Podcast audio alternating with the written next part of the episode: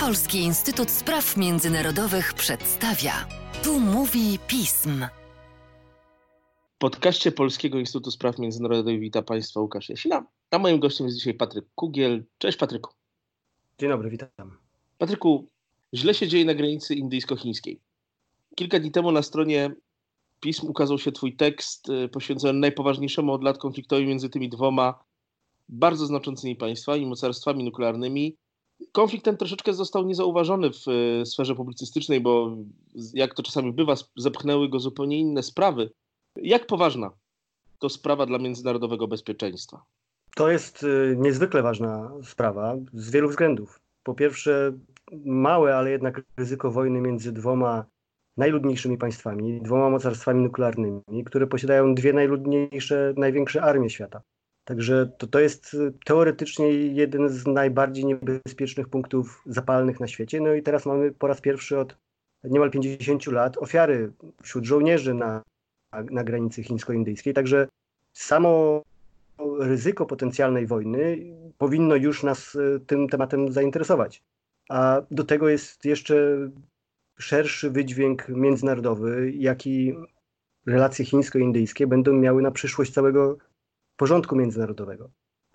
Chińsko-indyjskie relacje i obecny kryzys zbliża Indię w kierunku Stanów Zjednoczonych. Tak? W związku z tym, jeżeli obserwujemy w ostatnich latach coraz ostrzejszą rywalizację amerykańsko-chińską, no to w interesie Ameryki jest, żeby Indie były po ich stronie w tej konfrontacji. No i teraz y, ten incydent graniczny powoduje, że w Indiach wzrosły zdecydowanie nastroje antychińskie i społeczeństwo, i eksperci domagają się jakiejś zdecydowanej odpowiedzi wobec Chin. Masa jest komentarzy, które mówią, że no już czas, żeby Indie podjęły strategiczny wybór i zbliżyły się otwarcie do Stanów Zjednoczonych, starając się minimalizować to zagrożenie ze strony północnego sąsiada. Także to jest niezwykle ważne dla dla relacji amerykańsko-chińskich, też dla sytuacji w Azji, bezpieczeństwa globalnego, no i przyszłości świata. Jak y, o tej sprawie wypowiadają się sami Hindusi? Jak zareagował rząd chiński? Czy próbował y, rząd indyjski? Czy próbował raczej dążyć do kompromisu, co czasami zdarza się po tego typu zajściach, czy też raczej podbijał bębenek? No, po pierwsze wystosowano oficjalny protest. Y, odbyła się rozmowa telefoniczna między ministrami spraw zagranicznych, gdzie strona indyjska zgłosiła zdecydowaną krytykę i, i, i zażądała od Chin y, no, nie dokonywania podobnych czynów w przyszłości. Y, premier Modi odezwał się w specjalnym orędziu do narodu, z jednej strony wychwalając i składając cześć, e, oddając cześć poległym żołnierzom, i z drugiej strony grożąc jednak Chinom, że Indie nie, nie, nie poddadzą się tutaj jakiejś presji chińskiej. Jeżeli zostaną sprowokowane, to będą gotowe do zdecydowanej odpowiedzi. Co zabrzmiało troszkę jak no, pewna groźba, prawda? Niemalże wojenna. Mamy oprócz tego no, szereg komentarzy prasowych i ekspertów, którzy mówią coraz otwarciej, że to jest po prostu punkt w historii relacji tych mocarstw, po którym już nic nie będzie takie, jak było. To znaczy, że od dzisiaj Chiny są już oficjalnie, można je traktować jako wroga i główne zagrożenie dla bezpieczeństwa Indii. Także z punktu widzenia Indii to jest, to jest szalenie istotna sprawa, bo do trudnych relacji z Pakistanem to, to już się przyzwyczailiśmy i, i wszyscy w Indiach jakby na to już mniejszą uwagę poświęcają. Głównym zagrożeniem dla Indii są właśnie Chiny i, i ten incydent graniczny tylko te obawy y, y, zwiększył.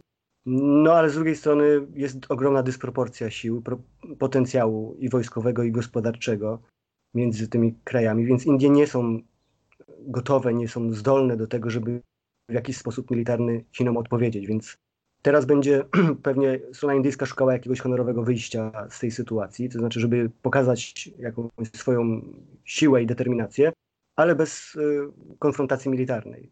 Pewnie to może obrać y, jakieś y, formy sankcji ekonomicznych, ograniczenia w dostępie do rynku dla, dla Chin, czy na przykład wykluczenie Huawei z postępowań przetargów dotyczących sieci 5G.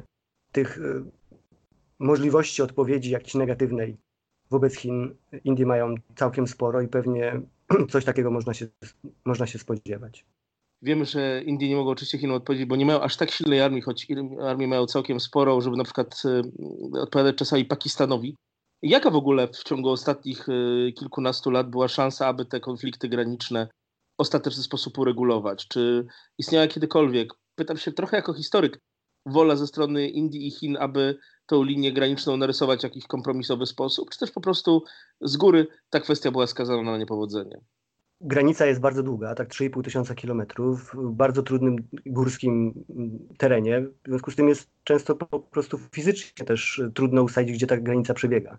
Na to nakładają się kwestie historyczne, tak jak dziedzictwo kolonialne, pewne stare traktaty, które Brytyjczycy jeszcze zawierali z Cesarstwem Chińskim i tak dalej. W związku z tym jakby możliwości odniesienia się do jakichś historycznych e, praw obie strony mają sporo, co nie ułatwia e, uregulowania tej, tej granicy.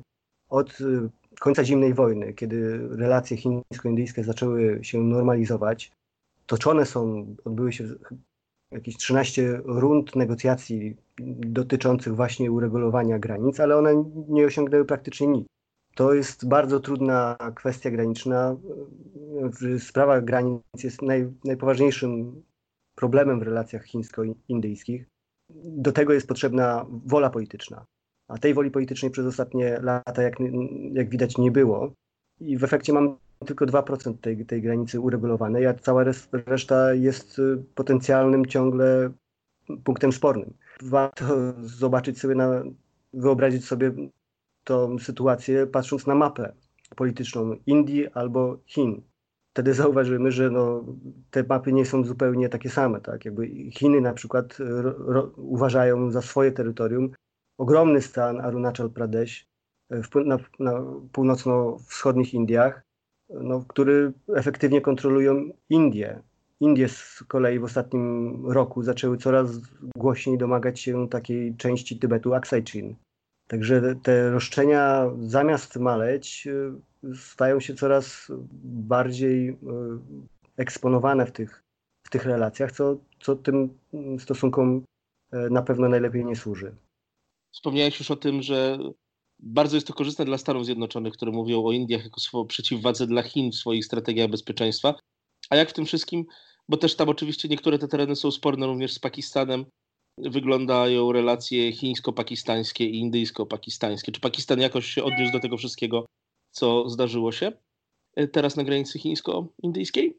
Dla, dla, Pakistanu to jest dość korzystna sytuacja, tak? bo, bo jeszcze bardziej antagonizuje e, e, Indie i Chiny, tak? a, a Pakistan swoją pozycję wobec Indii może wzmacniać tylko polegając całkowicie na Chinach. Więc e, ta sytuacja, która, ten, ten spór, który teraz, napięcia, które widzimy, odby, odbyły się, odbywają się w regionie Kaszmiru. Czyli e, co oznacza, że Chiny zostają wciągnięte jako trzecie państwo do sporów terytorialnych o Kaszmir. To służy interesowi Pakistanu, który no, może wspólnym frontem razem z Chinami wywierać presję na, na Indię w kwestii pewnych ustępstw terytorialnych. I yy, więc dla Pakistanu to jest sytuacja dość komfortowa, a dla Indii jest to no, no, mało sy sytuacja komfortowa, bo, bo konflikt o Kaszmir, który dotyczył do tej pory e, głównie relacji właśnie z Pakistanem, z mniejszym państwem, wobec którego to Indie mogły stanowić zagrożenie, no to teraz e, konflikt ten się jeszcze bardziej internacjonalizuje i do gry wkraczają Chiny, które, z którymi już Indie sobie tak łatwo nie poradzą. Także rozwiązanie tego konfliktu staje się coraz bardziej odległe i, i trudne. O, czyli można wręcz stwierdzić, że ten konflikt się nam przedłuża i, i w dalszym ciągu będzie bił rekordy, rekordy trwania, rekordy braku rozwiązywania i jak to bywa czasami z konfliktami typu militarnego, ktoś może kiedyś przesadzić. No i to jest największe ryzyko tej całej sytuacji. Kaszmir jest generalnie no, jednym z najbardziej zapalnych punktów e, ewentualnej wo wojny nuklearnej, no bo mamy konflikt graniczny, sprzeczne roszczenia terytorialne w regionie, gdzie spotykają się trzy mocarstwa nuklearne, tak? bo to są i, i Pakistan, i Indie, i Chiny. Ogromnie zmilitaryzowany region, gdzie no, żołnierze z jednej i z drugiej strony stoją z wycelowanymi karabinami i na siebie patrzą przez granicę, gdzie o błąd ludzki często, o przypadek, o pomyłkę jest bardzo łatwo i, i może dojść w związku z tym do nawet nie, niezaplanowanej eskalacji działań zbrojnych, które, która w najgorszym scenariuszu prawda, grozi wybuchem ostatecznie wojny nuklearnej. Jeżeli teraz w tym, w tym całym incydencie pewnie w mediach y, wybrzmiała mocno sytuacja, że, że te ofiary po stronie indyjskiej to są ofiary bójki, tak? Jakby tam nie padł żaden strzał w tej konfrontacji. I to jest jedna rzecz, którą pozytywnie można powiedzieć o relacjach chińsko-indyjskich w, ostatnich 20 latach, to znaczy nie udało się uregulować przebiegu granic, ale przynajmniej udało się zbudować pewne mechanizmy budowy zaufania i deeskalacji.